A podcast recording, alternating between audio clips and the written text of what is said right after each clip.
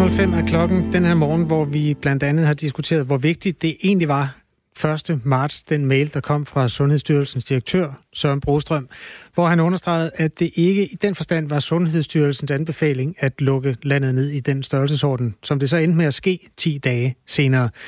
Vi har diskuteret det med øh, blandt andet en professor i sundhedsøkonomi, og folk, der hører det her radioprogram, har også ytret sig i sms'er. Kan vi ikke lige rydde op i dem? Vi kan da tage en fra Karsten. Morgen, Mette Frederiksen eller lille Kim Jong-un har været en dyr dame. Med grænser lukket af Nordjylland ved at gå på røven. Men det betyder åbenbart ingenting for den københavnske djøffelite. Men folk er så dumme, så næste gang der er valg, så bliver lille Kim stemt ind igen. Sørgeligt, med venlighedsen, Karsten. Hvem er lille Kim? Det er, det er Mette Frederiksen, han kalder lille, Kim Jong-un. Jeg tror, det var ham der, øh, Kim, uh, Kim Christiansen. Men han det kan ikke, vi heller ikke udelukke. Meget kan man sige, men lille er han jo ikke. Nå, anyway, uh, en anden sms fra HC, han skriver, hun styrer Danmark, som Hitler styrede Tyskland. Ah, HC. Ja, der var et kort der, der blev spillet.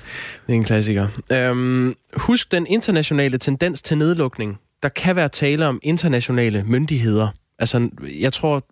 Ja, vil du kommentere, eller skal jeg? Fordi jeg tror godt, jeg ved, hvad lytteren mener. Ja, kom bare. Øh, jeg tror, når øh, vedkommende siger, at der kan være tale om internationale myndigheder, så handler det om, at Mette Frederiksen sagde den, øh, den 11. marts på det her pressemøde, hvor hun meldte ud, at man ville lukke landet ned, at det også var myndighedernes anbefaling. Og der kan så, også være WHO indover, tænker ja, du? Ja. ja. Ja, altså, der, og det, det kom jo også på et tidspunkt, hvor lande stod i kø for at lukke grænser i forhold til hinanden. Tyskerne, i hvert fald nordtyskerne, startede med at være meget kritiske over for beslutningen om at lukke grænserne, og så gik der jo tre-fire dage, så blev de også fra den tyske, øh, altså fra toppen, fra Merkels side, så blev øh, grænserne til nabolandene også lukket der. Så på mm. den måde, øh, mere uenig var man heller ikke. Der er en, der skriver her, det ændrer ikke mit syn på sagen, altså den mail, der er kommet frem. Håndteringen har været katastrofal fra starten. Regeringsmedicin er langt værre end sygdommen. Medierne har samtidig hjernevasket befolkningen. Ja. Altså en lille smule ros til os hos medierne. Tak for øh, jeres indspark. Der var øhm. altså en til, hvor der stod noget med kø ved håndvasken. Den kunne jeg godt tænke mig lige at få med. De to sekunder, jeg finder den lige. Mm. H.C. har uddybet det der med, at han, øh, han sammenligner øh, Mette Frederiksen med Hitler. Hun taler jo ikke sandt skriver han. Okay, så det er den første politiker siden øh, Hitler, der ikke har talt sandt. Ja.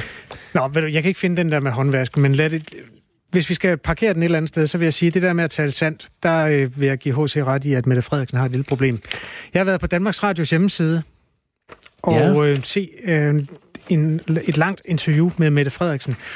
Og der er blandt andet et øh, billede her, hvor der står, Partilederne holder pause under onsdagens forhandlinger for at spise aftensmad. De sidder to ved hvert bord. Stemningen er afslappet. Der bliver blandt andet grinet af, at statsministeren på en sejltur med Molslinjen fandt ud af, at coronalukningen ligefrem har fået hende til at savne den såkaldte Combardo-sang. Ej, det kan simpelthen ikke være rigtigt. Nej, det tror jeg nemlig også er løgn. Det er en lodret løgn. Har du den? Ja. Åh oh, nej. Alle, der har været med færgen mellem Sjællands Øje og Aarhus, ved, at øh, når man skal ned i bilerne igen, så foregår der et stykke nudging, der hedder, at øh, man sætter sådan en sang på ud over højtaleranlægget, som gør, at væk med den. Ingen voksne mennesker kan holde ud at være på færgen mere. Der er sgu ingen, der savner den. Det kan simpelthen ikke være rigtigt. Det er det meget, lidt... meget tavligt. Lige så snart man har hørt to strofer af den uh, ukulele-melodi, så har man på hjernen resten af dagen. Det var en nødløgnen. Corona-nødløgnen om den såkaldte Combardo-sang. Klokken er 10 minutter over 8 øh, Grosen. Det kan godt være, at vi lige skal sætte det her radioprogram på skinnerne igen. Det synes jeg.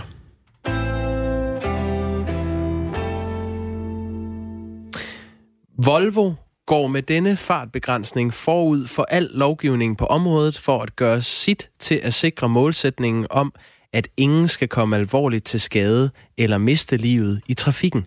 Sådan øh, skriver Volvo i en øh, pressemeddelelse, som øh, følger med firmaets nyeste initiativ.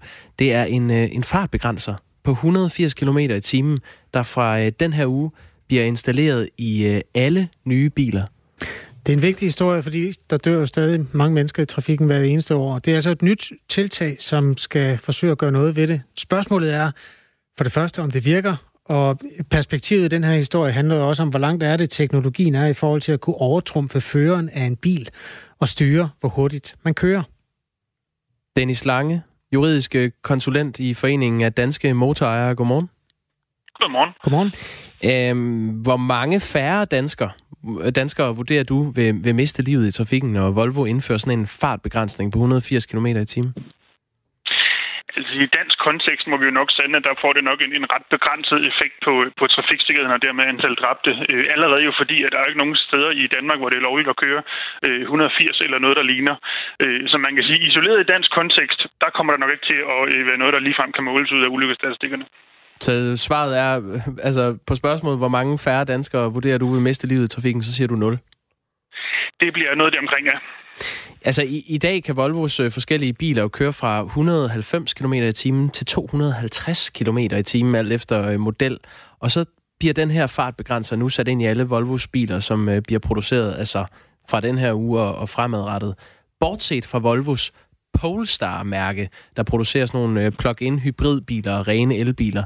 De biler er nemlig øh, ikke underlagt begrænsning, og de kan så stadigvæk køre op til 250 km i timen. Det er jo mm, faktisk aldrig, man har muligheden for at gøre det her i, i landet. Øhm, hvor stor en effekt tror du sådan generelt, at det her øh, tiltag vil få på trafiksikkerheden? Altså, det er jo næppe et tiltag, der sådan i, i det store billede kan måles øh, øh, øh i, med som et større, hvad skal vi sige, dyk øh, eller et større øh, øh top på trafiksikkerheden, øh, uanset hvor vi så end måtte være i, i Europa. Øh, I virkeligheden, hvis vi skal holde os inden for lovens grænser, er det jo kun i Tyskland, at det kan gøre en forskel, forstå på den måde, at der er jo flere øh, strækninger af de tyske motorveje, der var fri hastighed. Øh, og der er det jo klart, hvis du i citationstegn kun kan køre 180 i stedet for for eksempel 250, jamen så har det jo øh, en, en potentiel øh, positiv effekt på, på trafiksikkerheden.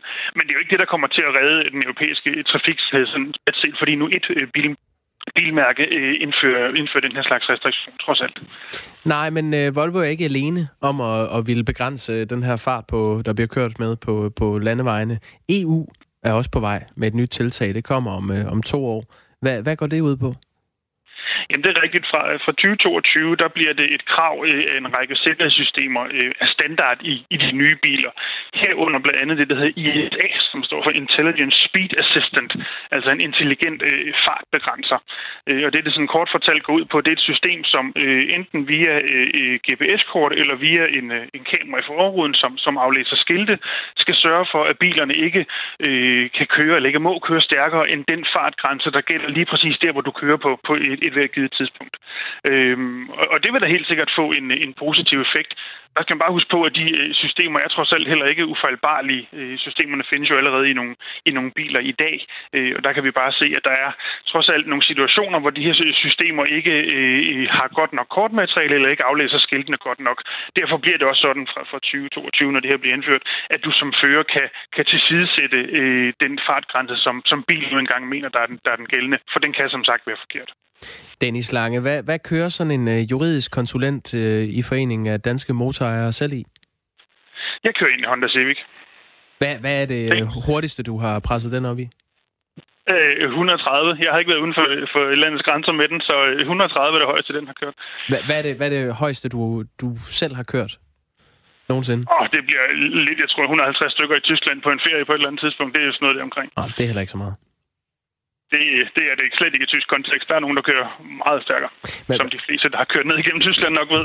Ja, altså hvor, hvor langt øh, er vi fra, at man som bilejer simpelthen bare ikke øh, kan køre mere end 120 eller 150 km i timen, tror du? Vi nok ret langt. Altså nu indfører øh, Volvo det her, hvor de sætter en grænse på 180 på, på deres nye biler. Øh, jeg har endnu ikke hørt nogen andre bilmærker, som vil, vil man kan sige, følge op og, og, tage den bold op. Øh, det kan sagtens komme. Allerede nu er det de tyske producenter har jo en årrække haft sådan en, en gentleman's agreement om, at øh, deres biler som udgangspunkt ikke kan køre 250, hvilket trods alt også er en betragtelig hastighed. Øh, men, men man kunne da sagtens forestille sig over årene, så er det noget, der, øh, øh, om jeg så må sige, breder sig det her. Øh, men men det er, ikke, det, er ikke, det er ikke lige rundt om hjørnet, at, øh, øh, at, at, at, at det her det bliver normen på alle biler. Det tror jeg ikke. Hansen har skrevet en sms ind til vores program. Han skriver tåbeligt forslag fra Volvo, Danmark eller ej. Man kan jo stadig køre 180 gennem en lille by. Dertil kommer, at fartbøller nok sjældent vælger Volvo. Blinkesmiley. Tror du, han har en pointe der, Hansen? Ja, men altså, jeg vil sige, jeg tror ikke, det her skal ses i, i, i sammenhæng med, med de heldigvis meget få elementer, vi har, som er uden for en ved rækkevidde og fuldstændig ligeglade med egen og andres øh, øh trafiksikkerhed. Øh, de skal nok finde ud af at køre stærkt, dem som absolut insisterer på at skal gøre det, øh, uanset hvad. Og der kan man jo sige, at selvom du så havde en bil, du begrænset til 100 i timen, som jo var langt under, hvad, den, hvad der kan være lovligt i Danmark, jamen hvis du kører 100 i timen igennem en by med 50 øh, km begrænsning, så er det stadigvæk fuldstændig horribelt. Så altså, øh, man kan sige, en generel øh, øvre grænse for, hvor stærk bilen kan, kan gøre, vil jo ikke være en løsning i alle situationer og under alle øh, forhold. Der er den her øh, intelligente hastighedsbegrænser, som der bliver standard fra, fra man på, øh, nok et bedre bud trods alt. Vi ville jo gerne tale med, med Volvo Danmark her i Radio 4 morgen her til morgen, men de, det har de ikke haft lyst til at stille op til et interview om de her nye biler med, med fartbegrænsning. De har henvist til deres øh, pressemeddelelse. Men du havde lyst, Dennis Lange, og det skal du have tak for. Det var så lidt, da. Juridisk konsulent i Foreningen af Danske Motorer. Klokken den er blevet 16 minutter over 8.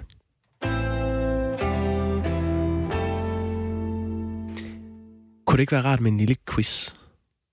Jo, Kasper? jo, jo, afgjort. Er det til lytterne, eller til mig, eller til alle? Nej, det er sådan øh, nok øh, egentlig til dig. Nu, nu vil jeg holde... Øh, Men så kan man lytte med, eller hvad? Kan man gætte med hjemme? Nej, for du har et billede med. det er svært. Øh, Så skal du beskrive, hvad det er for nogle dyr. Nu, jeg nok. lige nu, øh, det er en. Jeg Okay. holder øh, et billede op for dig ja. nu. Hvad er det for et dyr? det er en kronhjort.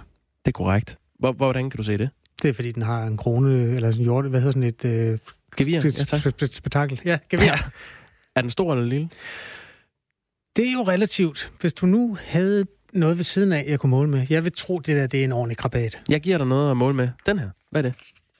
Ja, det er en lille buk. En lille... Øh, altså, det er jo et, et dyr af samme slags, men med et mindre stativ op på hovedet. Mindre gevir. Det er ikke helt forkert. Det første var en kronhjort. Det andet er et rådyr. Ja, tak. Den første er Danmarks største hjort. Den anden er Danmarks mindste hjort. Okay. Hvad tror du, du må skyde lige nu af de to? Hvis du er jæger. Så tror jeg, at du må skyde den til højre, som er den mindste. Altså, det rådyret. Ja, Det er nemlig også rigtigt. Og det er her, vi øh, kommer ind i øh, den her historie, fordi en brødbetynget øh, jæger ringede her i weekenden til politiet, og så undskyldte han for, at han var kommet til at plaffe en kronhjort. Han troede, det var et rådyr. Altså, han troede, at Danmarks største hjort var Danmarks mindste hjort. Og nu, øh, altså han er, han er 42 år, mand, øh, år gammel og mand og fra begge i, øh, i Sydjylland. Og han øh, bliver nu sigtet for overtrædelse af jagtloven. Øh, så står han til at få en bøde, øhm, og han får ikke lov til at beholde den her kronhjort. For man må slet ikke skyde kronhjorte lige nu. Hvornår må man det? Det må du fra... Øhm, nu skal jeg se, det er til efteråret. Okay. Der er jagtsæson på, øh, på råbukke lige nu, og det er altså de små rådyr. Det var, det var sådan en, han troede, han havde skudt. Men så viste det sig at være sådan en ordentlig krabat. Er der bøde? Der er bødestraf. Øhm, ja, det er der. Så jagtsæsonen er lige gået ind for her fra den 16. maj til den 15. juli. Så øh, øh, det fremgår ikke, hvordan jægeren kunne tage fejl af, af de her to øh, dyr. Øh, fordi en kronhjort, den kan blive halvanden meter i skulderhøjde, og en råbuk, den kan kun blive 90. Eller, hvad, undskyld, 70 cm i skulderhøjde. Hvis den er 150 meter væk, eller 200 meter væk, så kan man jo ikke se, om den er det ene eller andet. Jeg ved det ikke. Pas på med at tage en uh, ruskensjakke på i begge i Sydjylland for tiden. det var sådan en lille en. Så husk det, hvis du er jæger, øh, det er altså de uh, små øh, hjorte, du må skyde. Husk, at uh, sms'en er åben, hvis du hører programindslag, du har lyst til at kommentere. Der er en lille bilreklame her fra Nissan Leaf. Dejlig japansk produceret bilmærke. Jeg tror nok, det er japansk, ellers er det koreansk. Øh, begrænset til 170. Det vil sige, at man kan allerede der få et lille stykke trafiksikkerhed med i købet, så man ikke frister til at køre hurtigere, end man må. Det er en knopskydning på diskussionen om, hvorvidt øh, Volvo gør noget godt for trafiksikkerheden ved at sætte en fartbegrænser på, så man fremover kun, jeg laver citationstegn, kun kan køre 180 km i timen. Nissan er japansk. Du er fuldstændig ret. Tak skal du have. Klokken er øh, 20 minutter over 8. Hvad er næste program? Element. Skal vi en tur ombord i... Øh, skal vi tage dagens gode, dagens gode råd? Det er lidt i familie med det, vi har diskuteret nu. Det kan vi godt. Det er jo et segment, vi øh, sådan lidt opfandt, mens vi øh, asfalterede i går. Du kom til at sige noget klogt, og så øh, legede vi med tanken om, at du skulle have sådan et øh, corner, hvor du får lov til at sige noget klogt hver dag om livet. Ja, øh, i går var det et godt råd om haven. Det var med udgangspunkt i, at tulipanerne afblomstrer. Og det er faktisk det vigtigste tidspunkt overhovedet at sørge for, at løgene får noget næring, så de kan vokse sig store og flotte, og man allerede næste år kan få tulipaner ud af samme blomsterløg igen. For at jeg ikke skal få det der haveprædikat, Ja. så har jeg tænkt mig, at jeg vil tage noget med lidt mere kant i, i dag. Okay, spændende. Det kan pa- muligvis passe til det underlæg, jeg har taget med til dig, fordi vi snakker om, at det skulle have en eller anden form for indpakning, det her. Ja. Øhm, jeg foreslår, at vi øh, prøver øh, den her.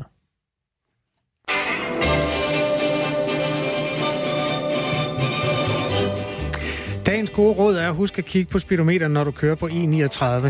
E39 er den øh, nordjyske motorvej, der går fra Nørre Sundby og til Hirtals. En stik nordgående motorvej, som blev øh, taget initiativ til af den såkaldte jyske trafikmafia for snart mange år siden. Det var øh, et dejligt underlæg. Jens Rigsgaard Knudsen, øh, Svend Heiselberg og Kai Ikast, der tog initiativ til den her knopskydning på motorvejen, som mange vurderede var unødvendig. Den er også mere affolket i trafikal forstand end mange andre motorveje, og det frister nogen til at køre virkelig stærkt på herværende motorveje. Og det er der, dagens gode råd kommer ind i billedet, fordi i går blev en 27-årig mand stoppet på motorvejen ved Jøring mm. med en registreret hastighed på 284 km i timen. Han kørte ikke Volvo, så? Han kørte motorcykel. Oh. Det er helt vildt. Det er ikke hver dag, vi tager nogen, der kører så stærkt, siger vagtchef Jes Falberg fra Nordjyllands politi til det aktværdige dagblad Nordjyske. Dagens gode råd er at huske at kigge på speedometeret. Jeg skal tilstå, jeg har også, kørt alt for stærkt på den øh, motorvej nogle gange, fordi der er virkelig god plads. Ja. ja ved du, det er et glimrende råd. Lad os, øh, vi fader ud af Bonanza her. Ja, øhm, og et sidste go- godt råd er, at du sparer jo et 15.000, hvis du lader være med at køre 284 km i timen. Sådan. Tak. Ja. Tak for det, Kasper. Velkommen. Det synes jeg kan noget. Det arbejder vi videre med det segment. Øh, klokken den er 22 minutter over 8. Nu vender vi os mod en øh, meget baserende sag, nemlig sagen om planlagt udledning af et stort kvantum spildevand i Øresund. Diskussionen går på 290 millioner liter spildevand, som øh, ja, efter den politiske diskussion er blevet udskudt til efteråret. En agtindsigt fra Miljøstyrelsen, som TV2 Lorry, altså den københavnske regionalstation af TV2, har lavet, den viser, at der alene i Københavns Kommune er blevet udledt over 35 milliarder liter urenset spildevand i Øresund i de sidste fem år. Og det får nu nævnen til at kræve, at øh, loven bliver lavet om. Blandt dem Jakob Jensen, der er miljøordfører hos Venstre. Godmorgen. Godmorgen. 35 liter eller 35 milliarder liter spildevand er blevet sendt ud i Øresund siden 2014. Beskriv, hvorfor det er et problem i din optik. Ja, jeg vil lige vil sige, behøves jeg det? Altså, siger det ikke sig selv. Altså, det, det er jo klart, at når vi øh, får den slags oplysninger på bordet, så må vi også reagere på det. Altså, det er jo kommet frem, fordi at den her sag øh, fra Københavns Kommune, hvor man har planlagt at, at udlede øh, de her mange øh, liter, øh, på grund af, at man skulle lave en bygning, som gjorde, at man skulle omdirigere kloaknettet, som jeg forstået det, at det har ligesom gjort, at man så også har fået bevågenhed på, på resten. Vi har tidligere, vil jeg gerne sige, spurgt ind til netop de her overløb, som, som du også refererer til, som jo er den store mængde, altså når der kommer mm. store nedbørsmængder, og, og så kan rensningsanlæggene ikke have kapacitet, og så bliver de nødt til, eller de har i hvert fald gjort det, at de har åbnet for sluserne og så ledt spildevandet ud. Det er i hvert fald noget, som vi nu, øh, kan man sige, langt om længe får et rigtig godt politisk fokus på, og forhåbentlig dermed også får mulighed for at få lavet både de fysiske og også de juridiske retningslinjer om. Det her er jo en gammel, gammel praksis, men den får nyt øh, fokus, også fordi det er øh, noget, som alle kan se for sig med så mange liter urenset kloakvand. Ikke desto mindre er det jo noget, man har gjort i mange år, og, og altså, vandet i Københavns Havn har jo aldrig været renere. Hvor, hvorfor er det et problem nu? Hvorfor er, det, øh, hvorfor er det ikke et problem, man har taget op for 10 år siden så, hvis det er så vigtigt? Ja, altså, skadet bliver man klog, men sjældent rig, kan man sige. Og det er jo rigtigt, Københavns Havn har jo og er jo verdensberømt for at have et, et rent badevand, når man kan bade inde i Indre Havn. Det er jo helt unikt i forhold til andre hovedsteder. Øh, og så kan du sige, det kan man så gøre på trods af, at man har let de her mange millioner øh, liter spildevand ud gennem årene. Så hvad er egentlig problemet? Ah, jeg tror, det vil måske være lige at tage det for let. Øh, når vi oplever, at der er så stor en, en mængde spildevand, øh, så bliver vi selvfølgelig også nødt til at håndtere det. Og i hvert fald finde ud af, hvad skal der til? Øh, klimatilpasningsprogrammer og andet, som, som øh, selvfølgelig bliver stadig mere aktuelt i takt med, at vi ser de her meget, meget store nedbørsmængder, som jo er det, der er hovedårsagen til, at man har haft øh, åbenbart været nødsaget til at åbne for at få sluser i, i forskellige sammenhænge. Så, så det er jo det, der ligesom gør, at vi også nu reagerer. Det er jo et såkaldt overløbssystem, det her. Altså når der falder store øh, mængder regn, så ledes der øh, det her såkaldte overløb. Det, der ikke er plads til i kloaksystemet, det bliver lidt ud i Øresund. Og øhm, en rapport, som Covi, konsulentfirmaet Covi, har udarbejdet til Styrelsen for Vand- og Naturforvaltning, øh, den viser, at der i 2015 var overløb på det københavnske kloaknet 120 gange i løbet af året. Altså, det er noget, der er sket i lang tid, det her. Øh, nu sidder du jo hos Venstre som miljøoverfører. I havde blandt andet øhm, magten i 2017. Altså, hvorfor, hvorfor lavede I ikke en ændring af loven på det tidspunkt? Ja, det kan du selvfølgelig sige. Hvorfor alle de andre ting, som vi ændrer til det bedre i samfundet i dag, hvorfor gjorde vi ikke det for fem år siden? Og sådan kan man jo blive ved. Altså, vi bliver nødt til at agere på det, som vi ved, og det, vi bliver gjort opmærksom på, og det, som der også selvfølgelig er politisk muligt, og også økonomisk muligt. Og det her, det er jo en stor økonomisk øh, udskrivning, man skal til, øh, både i København, men desværre også, kan man sige, i resten af landet, hvor det her jo ikke enestående et hovedstadsfænomen. Det er jo stort set alle andre øh, rensningsanlæg rundt omkring i landet, som, øh, som har den her udfordring. Og mm. den er jo blevet stigende i takt med, at vi ser de her meget, meget voldsomme nedbørsmængder. Men jeg kan ikke lade være med andet at sige, at øh, det er jo sådan lidt paradoxalt, at, at vi nu skal øh, snakke om det her i, i forbindelse med rensningsanlæggene. Altså havde det her været en landmand ude på, på landet, som havde haft en gyldetank, som var løbet over på grund af stigende regnvandsmængder, og så havde åbnet for slusen ud den lokale å, så tror jeg, at vi havde haft et rammeskrig af den anden verden også. Det så tror det jeg er rigtigt, og vi har talt med Landbrug Syd om lige præcis den del af det, men jeg bliver ja. nødt til at spørge dig en gang til, hvad er det, der er nyt, som du ikke vidste i 2017 for eksempel? Altså, hvad er det for nogle nye oplysninger, der er kommet frem, som en miljøoverfører ikke havde adgang til for tre år siden? Mm, jamen, altså, jeg ved ikke, om der er nogle nye oplysninger andet, end vi kan sige, at i takt med, at de her regnmængder de er stadig stigende, så bliver aktualiteten jo også tilsvarende stor. Øh, jeg har spurgt et par gange til, hvor, hvor mange, øh, altså, hvor, hvor stor et omfang det her var med de her overløb. Og der har svaret været, som jeg husker det, at det var ikke en, en, en, en voldsom belastning af, af kvælstofudledning, som jo primært er fosfor med videre, til vandmiljøet i forhold til andre øh, kilder. Og derfor lod vi det så ligge på det tidspunkt. Men man kan sige, når det her kommer frem med en, i princippet en dråbe i havet, det som der er planlagt, men som så gør, at man får meget mere bevågenhed på det, så synes jeg også, at vi skal bruge den politiske mulighed til at, at, at se, hvad vi kan gøre ved det, øh, sådan at vi ikke fortsætter den her praksis. Handler det i virkeligheden også om, at det bare er en anden tid? Altså, man har jo haft en måde at behandle havet på, og i øvrigt, som en lytter skrev ind til os tidligere, skibene, de smider jo stadig deres øh, ting og sager direkte ud på havbunden, eller hvor den nu ender henne. Altså, der, er jo, der er jo masser af skidt og møg ude i havet. Hvad, er det fordi, der, der er mere fokus på, skal vi sige, det, detaljer nu, end der plejer at være? Jeg ved ikke, man kan sige, at det er en detalje, de her mange millioner liter, men, men du har jo ret. Og lytteren har jo også ret i, at der sker jo andre ting ud omkring, øh, desværre stadigvæk også for skibe med videre, som, som, øh, som smider ting ud. Men, men det er klart, at fokuset også for befolkningerne, og dermed også selvfølgelig for dem, der repræsenterer befolkningerne i, i diverse parlamenter herunder i Folketinget, at der er fokus heldigvis der blevet meget mere på, hvad er det så, vi kan gøre øh, ved, at, øh, at de her ting ikke bare skal fortsætte. Fordi vi synes jo ikke mere, at det er særlig rart at tænke på, at der det her urenset spildevand, det bliver lidt direkte ud, hvis der vel at mærke kan være alternativ, og det bør der være. Det er klart, det kræver selvfølgelig også en økonomisk udskrivning at få lavet det kan være de her dobbelt øh, kloakeringssystemer, altså hvor man leder regnvandet et sted og kloakvand et andet sted. Det er i hvert fald noget af det, som der har været udfordringen, at man har ligesom blandet både regnvand og kloakvand sammen, og dermed mm. man har haft for meget vand på et sted. Hvis man ligesom får lavet det dobbeltrettet, altså i, i dobbeltstrengede systemer, så vil det være en del af løsningen, men det er også en kæmpe, kæmpe økonomisk udskrivning, både i København, men også i resten af landet. Og det er jo det, det er der mange kommuner, der allerede har fundet ud af at gøre for længe siden.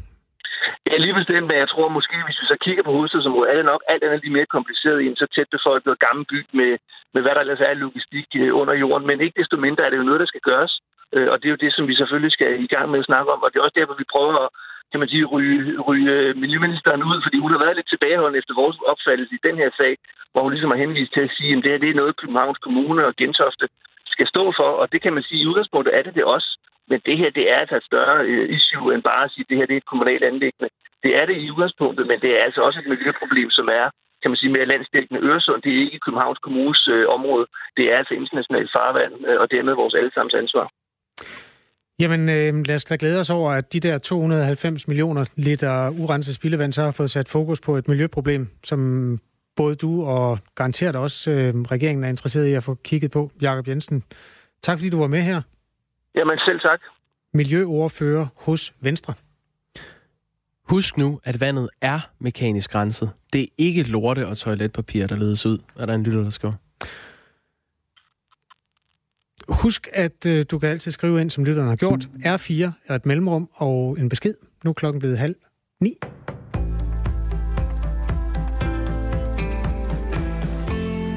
Mærsk, Ørsted, transportfirmaet DSV, SAS, Københavns Lufthavn og rederiet DFDS. Sammen der planlægger de at bygge en omfattende brintfabrik i København, som i fremtiden skal forsyne lastbiler, skibe og fly med grøn energi, skriver Berlingske. De danske selskaber, som står bag projektet, vil opføre fabrikken, der kan vise sig at blive verdens største anlæg til produktion af bæredygtige brændstoffer. Topchef i Ørsted, Henrik Poulsen, bekræfter planen over for Berlingske. Det er en sjælden begivenhed, at danske virksomheder finder sammen i så stort konsortium som det her. Det er et udtryk for, at der er en stor opgave, som skal løses, og det vil kræve betydelige mængder af kapital og innovation, siger han til avisen. Ifølge danske vognmænd kan projektet, når og hvis det realiseres, blive gennembruddet for danske vognmænds grønne omstilling af den tunge transport. Det er først nu, når det tunge erhvervsliv sætter turbo på, at det for alvor kan blive til noget, og det vil kunne omstille transporten i en grad, der ikke er set før, det siger Danske Vognmænds administrerende direktør Erik Østergaard i en pressemeddelelse. Det store projekt, der altså kan blive en realitet i de kommende år, støttes også af Københavns Kommune, skriver Berlingske. I første omgang der skal der foretages en forundersøgelse af projektet. Hongkongs politiske leder Carrie Lam siger, at regeringen vil arbejde hårdt for at kommunikere med befolkningen om den kinesiske regerings forslag om en ny sikkerhedslov. Det siger hun på sit ugenlige pressemøde natten til i dag, dansk tid. Det nye lovforslag det har mødt stor skepsis fra befolkningen, og kritikere de frygter, at Kina vil stramme grebet om Hongkong. Carrie Lam, der bliver støttet af Kina, understreger natten til i dag, at loven ikke vil påvirke Hongkongs uafhængighed eller dets retssystem. Hun siger, at de berørte parter de er nødt til at vente på detaljerne i den foreslåede lovgivning. Kina vil ifølge udkastet til sikkerhedsloven give sig selv magten til at lave lovgivning for Hongkong i forhold til at forebygge og straffe terrorisme, løsrivelsesforsøg og indblanding fra udenlandske magter. Forslaget det fik hundredvis af demonstranter til at gå på gaden for at protestere imod loven. Forholdet til Kina det er i forvejen betændt for de dele af Hongkongs befolkning, der ønsker mere demokrati og mere frihed. Under devisen Et land, to systemer, der har Hongkong særlige rettigheder, men ifølge pro-demokratiske kræfter, så forsøger Kina altså at indskrænke dem. Danmarks militære tilstedeværelse i Irak står til at få et kraftigt nyk opad, når Folketingets forsvarsudvalg i dag sætter sig sammen. Her behandler politikerne beslutningsforslag B 159, der skal give forsvaret grønt lys til at overtage ansvaret for NATO's træningsmission i Irak fra slutningen af i år og halvandet år frem. Forsvarsminister Trine Bramsen er stolt over, at NATO har valgt Danmark til at stå i spidsen for missionen at der er ikke nogen tvivl om, at det her er en kæmpe anerkendelse af det, som dansk forsvar kan, øh, og også den øh, indsats, vi har ydet indtil nu øh, i Irak. Danske soldater de har siden 2014 været i Irak som led i en amerikansk ledet mission, der havde til formål at nedkæmpe islamisk stats kalifat. Her har danskerne primært uddannet den irakiske her og bevogtet Al-Assad-basen vest for Bagdad, der flere gange har været udsat for raketangreb fra militsgrupper. Bidraget på op til 285 mand vil bestå af en styrkechef, stabsofficer og transporthelikopter. Og som noget af det væsentligste, så skal et 100 mand stort hold desuden eskortere militærpersoner i Bagdad og omegn. Her først på formiddagen, der kan der være tåge flere steder, og ved Bornholm kan der være havgus hele dagen. Ellers så kommer der altså nogen eller en del sol, men i eftermiddag er der også enkelte lokale byer. Temperaturerne de lander mellem 15 og 20 graders varme, og vinden den bliver svag til jævn mellem vest og syd.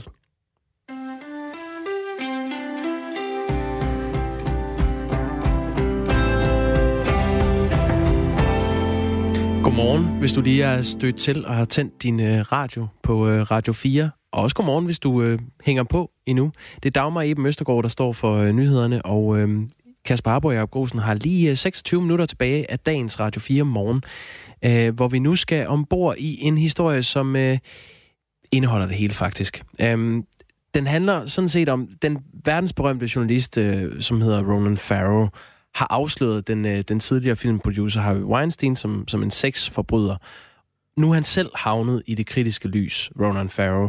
Samtidig med, at øh, hans bog Catch and Kill netop er landet hos øh, boghandlerne i en dansk oversættelse, så slår flere øh, kritikere nu tvivl om dele af den her bogs indhold. Nu øh, siger jeg godmorgen til øh, Birgitte Borg, redaktør for øh, international kultur på Berlingske. Godmorgen. Øhm, Birgitte Borg, vil du ikke lige starte med at placere ham her, Ronan Farrow, på, øh, på landkortet? Hvem er han? Han er det nærmeste, USA kommer på en øh, journalistisk verdensstjerne. Han øh, blev berømt over hele kloden, da det i 2017, i øvrigt i konkurrence med flere journalister fra The New York Times, lykkedes ham at afsløre Harvey Weinstein. Det havde i mange år på det tidspunkt været en øh, offentlig hemmelighed, at Harvey Weinstein havde udsat en række kvinder for seksuelle overgreb i Hollywood. Og øh, det var altså Ronan Farrow, han var en af de journalister, der var først ude med den historie, og hvor det lykkedes ham at øh, bringe dokumentation øh, til tors og få tilstrækkeligt med kvinder til at stå frem.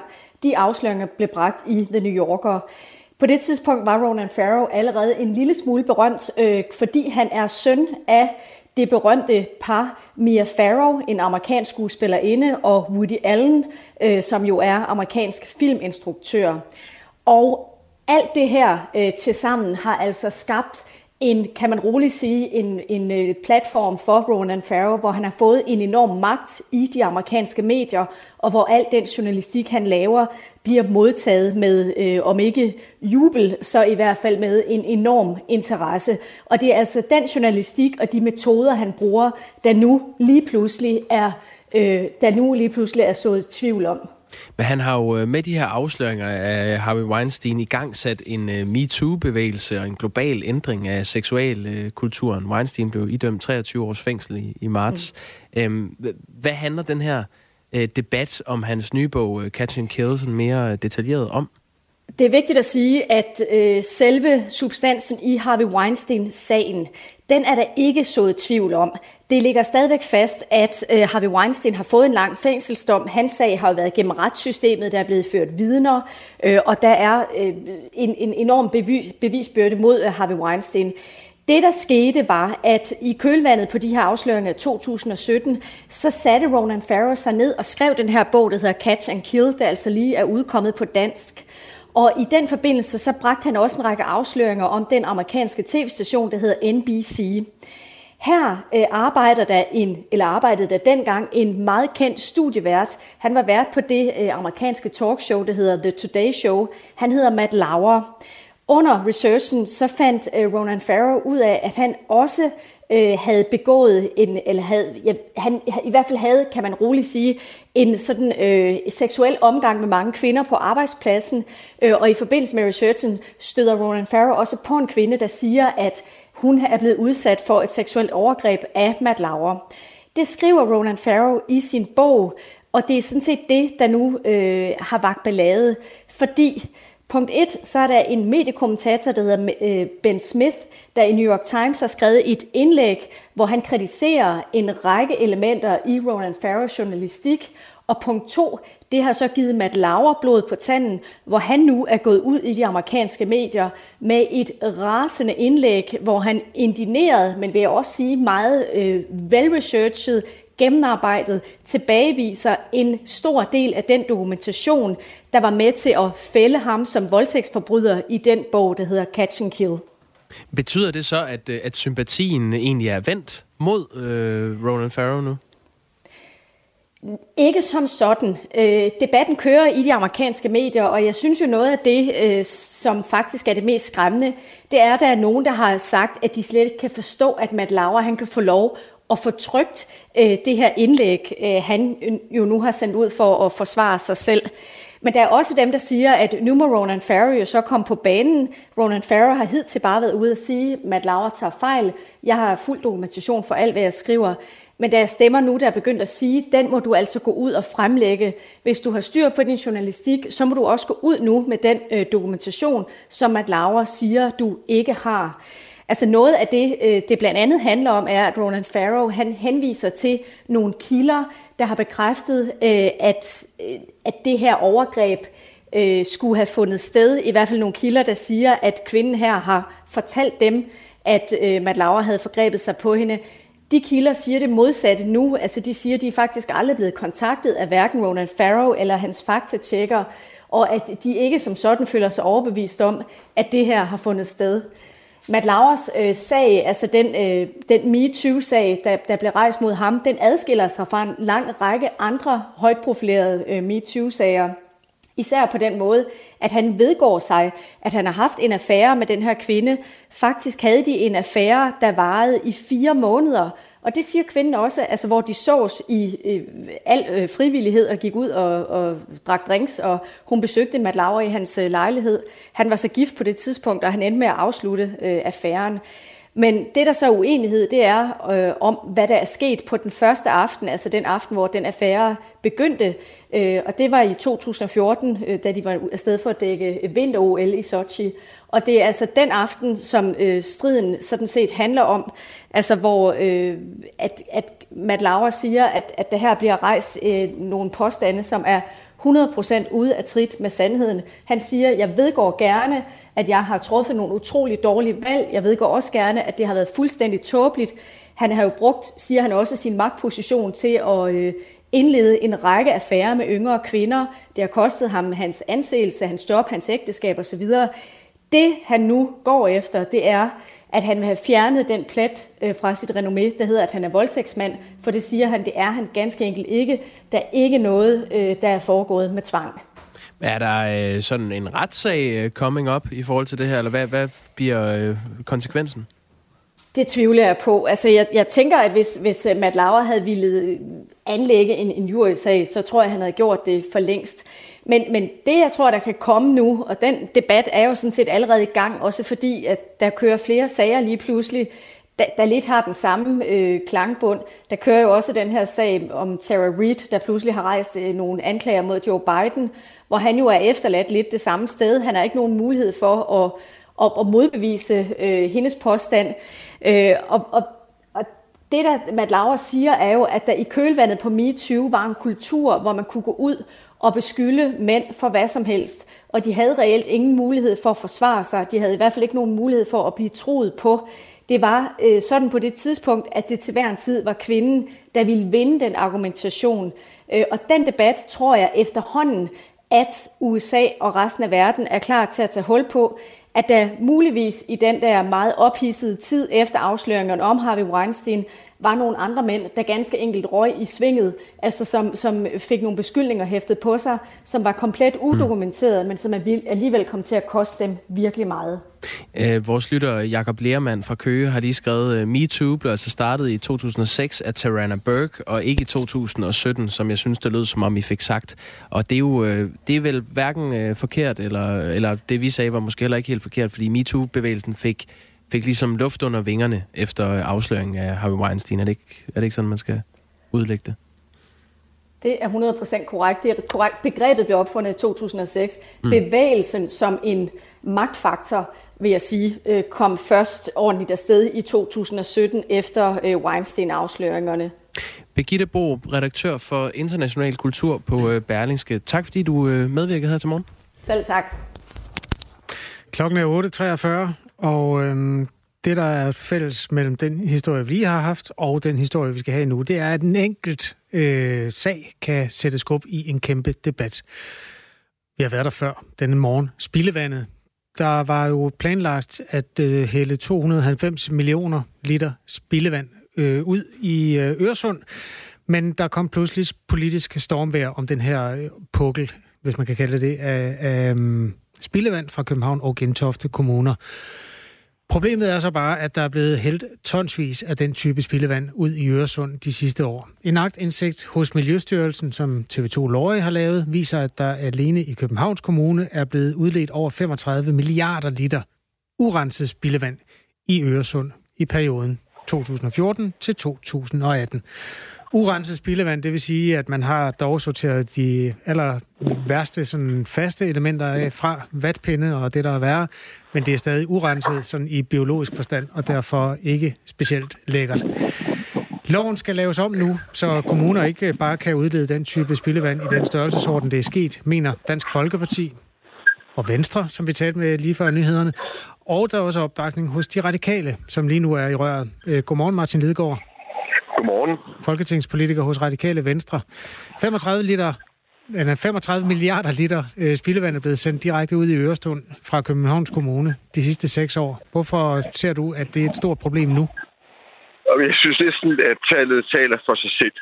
Og øh, hvis vi bare tager året 2015, så er der altså sket 120 gange, at vores kloaksystemer i hovedstadsområdet simpelthen ikke har kunnet holde trit med de klimaforandringer, som det her jo handler om i virkeligheden, nemlig at vi har mere ekstremt vejr med mere ekstremt nedbør, og som så giver de her overflodssituationer. Og det fortæller jo bare mig, at vi er simpelthen ikke up-to-date med vores systemer, og øh, det kan ikke være en løsning, at man bare har en lovgivning, hvor man kan blåstemple det per automatik. Vi bliver nødt til at kigge mere grundlæggende på, hvordan vi får indrettet os sådan, så vi kan håndtere de her større mængder af spildevand, så vi ikke bare spille ud i Øresund, hvor vi jo i øvrigt har en utrolig rig fauna, et af de bedste have i Danmark rent biologisk, men i øvrigt også en masse mennesker, der bader. Ja, øh, jeg talte jo med Venstres miljøordfører Jakob Jensen for et kvarter siden og stillede ham spørgsmålet, hvorfor gjorde han ikke noget, da han havde regeringsmagten? Det havde Venstre jo for tre år siden. Der kan man da stille fuldstændig samme spørgsmål til radikale Venstre. I havde jo regeringsmagten inden da. Hvorfor er det nu, at øh, problemet med det kommer op, og ikke allerede dengang? Det er et godt spørgsmål. Øh, vi satte gang i en del klimatilpasning til allerede dengang. Men vi fik ikke taget fat på den kæmpe opgave, det er at tilpasse hovedstaden. Og den borgerlige regering, der kom efter, fik heller ikke gjort noget ved det. Men altså... Men har du vidst i al den, vidste du godt, at der var blevet pumpet så meget urenset spildevand ud i Øresund i al den tid, du var i regering? Nej, det må jeg indrømme. Øh, det er også derfor, vi har reageret på de her tal. Det er helt nyt for mig. Vi stoppede trods alt regeringen i 15, og de tal, I bruger her, det er altså, hvad der er sket fra 15 til i dag. Og øh, jeg var slet ikke klar over, at det var så galt fat, øh, og derfor er vi også nødt til at reagere på det. Regeringen, den nye regering, sidder jo nu og skal også komme med et stort oplæg om klimatilpasning, som lader vente på sig. Men jeg håber og forventer selvfølgelig, at de nu tager det her med. Jeg synes ikke længere, at vi kan lade det ligge. Tallene de går fra 14 skal vi lige huske at sige. Så ja, det var også øh, en periode, hvor I sad i regeringen. Ja. Du udtalte allerede i 2010, at man skulle ændre klimatilpasningen, så kommunerne og rensningsanlæg var klar til de klimaudfordringer, der kommer. Altså, der kommer jo masser af vand fra oven, mere end nogensinde før. Og du har også selv været klima-, energi- og bygningsminister øh, fra 11 til 14. Hvad er der, altså, hvorfor er det stadig et problem? Jamen, jeg tror, det ærlige svar her er, at den øh, udfordring, vi står overfor med klimaet, er af så gigantiske dimensioner, at øh, nogle af de ting, der skal gøres, øh, er simpelthen svære at overskue. Og hvis vi nu tager øh, hovedstadsområdet, så er det jo nogle gamle kloaksystemer. Og hvis man skulle udvide dem til moderne standard, så skal man altså grave hele øh, hovedstaden op, og det får metrobyggeriet til at ligne en sandkasse, skulle jeg helt til at sige, hvis man skulle tage fat på alle kloakker. Og derfor så tænker man jo også i nogle prøve nogle andre løsninger, altså hvor man laver nogle bassiner for eksempel, der kan tage det her spildevand midlertidigt. Men det er også omkostningsfyldt. Så svaret på de spørgsmål er, hvorfor har skiftende kommuner, øh, skiftende regeringer, øh, Folketinget ikke for alvor taget fat? Det er fordi, det er en kæmpe opgave. Men du har helt ret i, jamen så tag dig for pokker og komme i gang med det, og det må vi så gøre. Tak skal du have. Altså, øh, nu siger du skiftende kommuner. Der er jo nogle kommuner, der har væsentligt lettere ved det her, end øh, andre har. Og du, altså, jeg tror, at de fleste anerkender, at København er i en særlig øh, tilstand lige nu. Er det også sådan en, hvad skal man sige, det opgavepukkel, man skubber foran sig, fordi den er så afsindig upopulær? Altså, den koster mange penge, og den vil trafikalt give en hel masse problemer. Er det derfor, at det skiftende øh, bystyre og, og, skiftende regeringer ikke har gjort det? Det er jo det er jo lidt ligesom jernbanen eller anden øh, tung infrastruktur. Øh, du og jeg som almindelige borgere opdager jo ikke, at der lige ryger øh, x antal millioner spildevand ud i midten af Øresund.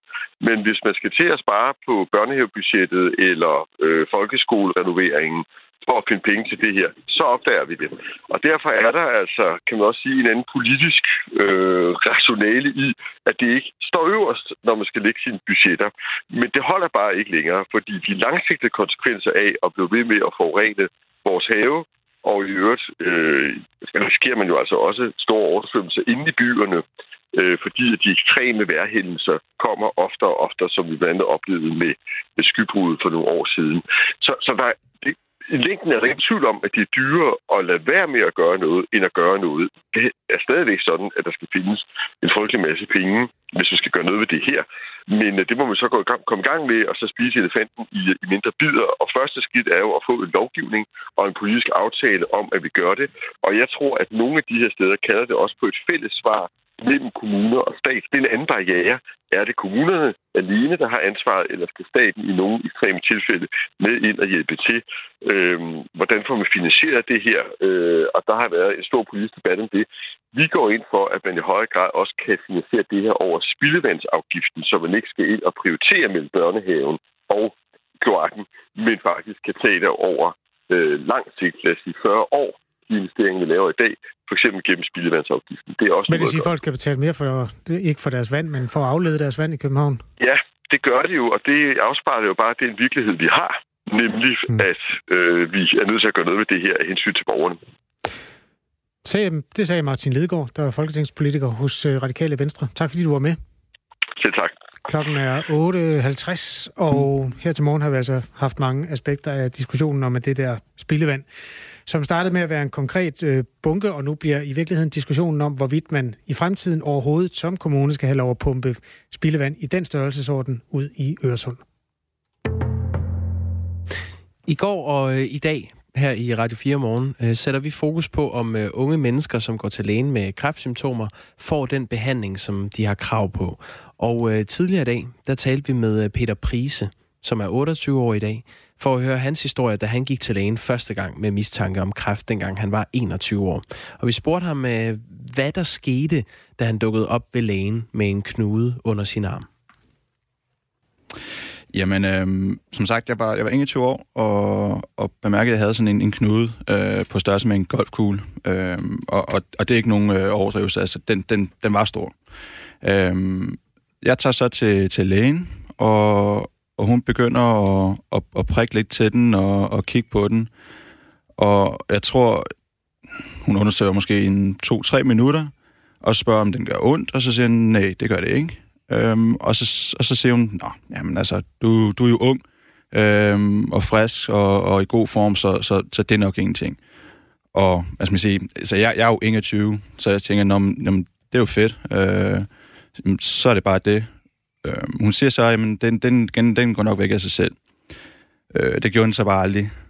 Nej, du, du, du satte ikke nogen øh, spørgsmålstegn ved det? Nej, nej, altså fordi altså 21 og, og min viden om, om kraftpakker og PET-scanning og, og hvad der ellers måtte være af, af undersøgelser, man kan tage, øh, som jeg så ved i dag, den, den, den viden havde jeg simpelthen ikke dengang. Øh, og, og jeg troede selvfølgelig på, på hvad lægen hun, øh, hun sagde, og øh, gik ud fra, at hendes faglige vurdering var, var, var rigtig. Hvor længe går der så, før du opsøger en læge igen? Jamen, øh, der går faktisk øh, fire år. Øh, der er 25 der er udsendt øh, i Mali, og øh, der kædede jeg mig tilfældigvis en søndag formiddag i, i lejren, og øh, så vælger jeg så at tage til lægen, fordi det, det gik mig altid en lille smule på alligevel, at det aldrig blev undersøgt ordentligt. Øh, en eller anden scanning eller et eller andet. Øh, så jeg tog til den lægen med, med egentlig forventning om at få det samme svar, som jeg gjorde første gang. Men, øh, men han kiggede så på den, og, og med det samme sagde, at det, det højst sandsynligt var, var kraft og at jeg skulle hjem og, og undersøges og, og få taget en biopsi og, og blod, en masse blodprøver. Og det er så her, øh, Peter Prise, jeg lige kommer med lidt fakta om, øh, om det her område, fordi det er øh, 38.000 danskere, plus minus, øh, får hvert år øh, diagnosen kræft, og 1.400 af dem er mellem 15 og 39 år. 500 af dem er mellem 15 og 29 år. Så de udgør altså øh, 3-4 procent, de unge, af den samlede gruppe af, af kræftpatienter. Og øh, så er det jo så sådan i Danmark, at hvis man øh, går til lægen, og lægen har mistanke om, at man har en kræftsygdom, så skal man henvises til et kræftpakkeforløb, fordi det sikrer, at man øh, bliver undersøgt hurtigt og øh, ja, får stillet en ret diagnose og får den rette behandling selvfølgelig. Øh, du bliver så henvist til den her kræftpakke fire år efter dit første besøg ved lægen, og så bliver du undersøgt. Hvad, hvad viser de, øh, de undersøgelser? Øh, jamen, det viser, at øh, der ikke er kun er kraft i, i den ene knude, som jeg selv kunne se. Øh, det har spredt sig til, øh, til halsen, kravben og til den anden armhule. Og så viser det sig, at det jeg havde noget, der hedder Hodgkins lymfom, som er en form for lymfeknudekræft. Øhm, og det gør så, at øh, jeg skal begynde på, på kemo og få 28 omgange kemo hen over et, et halvt år. Hvordan var det at få den melding som 25-årig? Den, øh, altså, det er ikke det fedeste. øh, det, det, en ting er at få den så ung, og, og når man selv føler sig, at man er, man er rask. Øhm, altså, jeg havde kun en hævet lymfknude, ellers så, så havde jeg det egentlig, egentlig super godt, og var, var frisk og ung. Øhm, så det er den ene side, og så, så den anden var det selvfølgelig, at jamen, det var sgu da ret, ret nederen egentlig, fordi jeg, jeg tog da til lægen for fire år siden, øhm, og, og fik det undersøgt, eller hvad jeg troede, jeg fik det undersøgt, øh, netop for at ikke at være en af de, man, man tit hører om i, i, øh, i medierne, når man mænd er dårlige til at, at tage til lægen. Og, og jeg kan bare huske, jeg sagde til mig selv, den, den person vil jeg ikke være. Jeg vil ikke sidde om fire år og, og skyde mig selv, fordi jeg, jeg, jeg har det, det får konstateret, at jeg har kræft, og ikke tog til lægen tidligt nok. Det gjorde så i det her tilfælde, og så bliver jeg ikke taget, øh, taget alvorligt. Øh, det, det, det var jeg selvfølgelig ret, øh, ret sur over, øh, lige, lige på det tidspunkt. Mm. Har du været øh, vred på din læge? Um, i, ja, altså de første, det første par uger, der var jeg nok red, øh, red. Øh, men, men heldigvis, kan man sige, så, så gik det hurtigt over, og, og hvad man sige, det gik op for mig, okay, jeg, jeg bliver ligesom nødt til at fokusere på noget andet, i hvert fald lige her under kraftforløbet.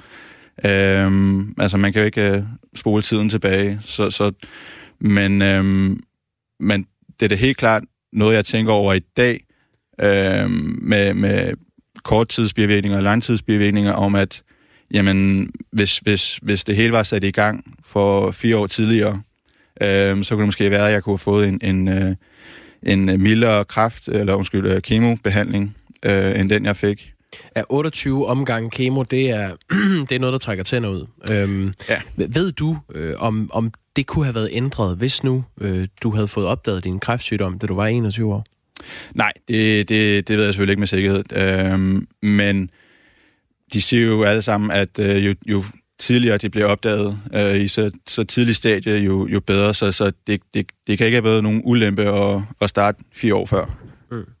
Det var altså Peter Prises øh, historie, øh, som han fortalte den, da han medvirkede øh, tidligere her til morgen i Radio 4 morgen. Han er nu øh, 28 år og kræftfri efter at have haft lymfekræft, og det er jo meget glædeligt. Øh, vi har her på Radio 4 morgen de seneste dage sat fokus på, om unge mennesker, som går til lægen med kræftsymptomer, altså får den behandling, som de har krav på. Det var i den forbindelse, vi talte med Peter Prise. Kasper, vi har øh, tre minutter tilbage. Skal vi ikke bruge den på, at det er, en, øh, det er jo en mærkedag i dag? Det er 50 år siden den store fredsaftale. Ja, Israel-Palæstina. Nej. Det er større end det. Carlsberg Tuborg. Ja, de to bryggerier fusionerede øh, for præcis 50 år siden. Ja. Der er masser af knopskydninger i det her. Der er noget Danmarks historie. Men i den sidste ende, Carlsberg og Tuborg, det er jo to bajer. Hvilken en er du til? Jamen så, øhm, med en pistol for panden vil jeg sige, det. jeg vil sige Tuborg. Men jeg er generelt en smagsignorant. Jeg kan næsten ikke øh, smage forskel på sådan noget der. Den Men jeg, jo, ja. Tuborg. Tuborg. Ja. Hvad med dig? PT Carlsberg, men jeg kan næsten heller ikke smage forskel. Men øh, heldigvis så er der forskellige medier, jeg har søgt internettet for at finde ud af, hvad, hvad er forskellen egentlig. TV2 har snakket med en mand, der hedder Bjar- Bjarke Bundgaard, som er specialkonsulent inden for øl og ølbrygning, og har skrevet en bog, der hedder Det gode øl.